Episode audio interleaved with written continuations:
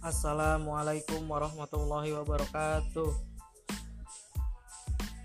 Kuliah Studi Islam Paket 2 Bab 10 Judul Adat Kebiasaan yaitu Pernikahan, Kehamilan, Kelahiran, dan Kematian.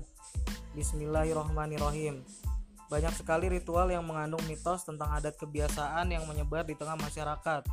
Di antaranya adat pernikahan, kehamilan, kelahiran, dan kematian Mitos-mitos tersebut tidak terlepas dari unsur-unsur kesyirikan, kurofat, dan tahayul.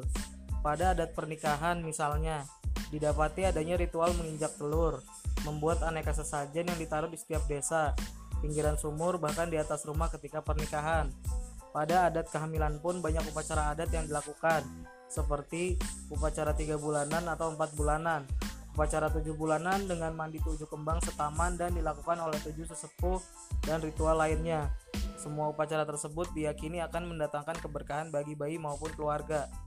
Adapun contoh ritual adat kebiasaan ketika bayi lahir yaitu ritual penguburan hari-hari, ritual memukulkan alu ke bumi sebanyak tujuh kali di dekat bayi, ritual ketika bayi terlepas dari tali pusatnya, ritual ketika bayi pertama kali dibawa ke halaman rumah, Ritual ketika bayi berumur 5 hari, 35 hari.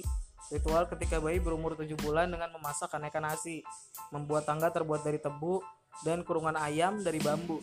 Semua adat tersebut diyakini akan mendatangkan keberkahan bagi si bayi. Di dalam agama Islam, ritual yang dibenarkan dalam masalah ini hanyalah mencukur rambut bayi pada hari ketujuh dan akikah. Adapun adat kebiasaan pada saat kematian yang tidak dianjurkan dan dipenuhi dengan ritual mistik dan kesirikan, seperti peringatan-peringatan setelah tiga hari 7 hari, 40 hari, 100 hari, dan 1000 hari setelah kematian. Acara haul kesedihan diadakan setiap genap satu tahun setelah kematian. Semua acara selalu dibarengi dengan makan-makan, kesajian dan lain sebagainya, yaitu hal-hal yang sama sekali tidak disyariatkan oleh Islam.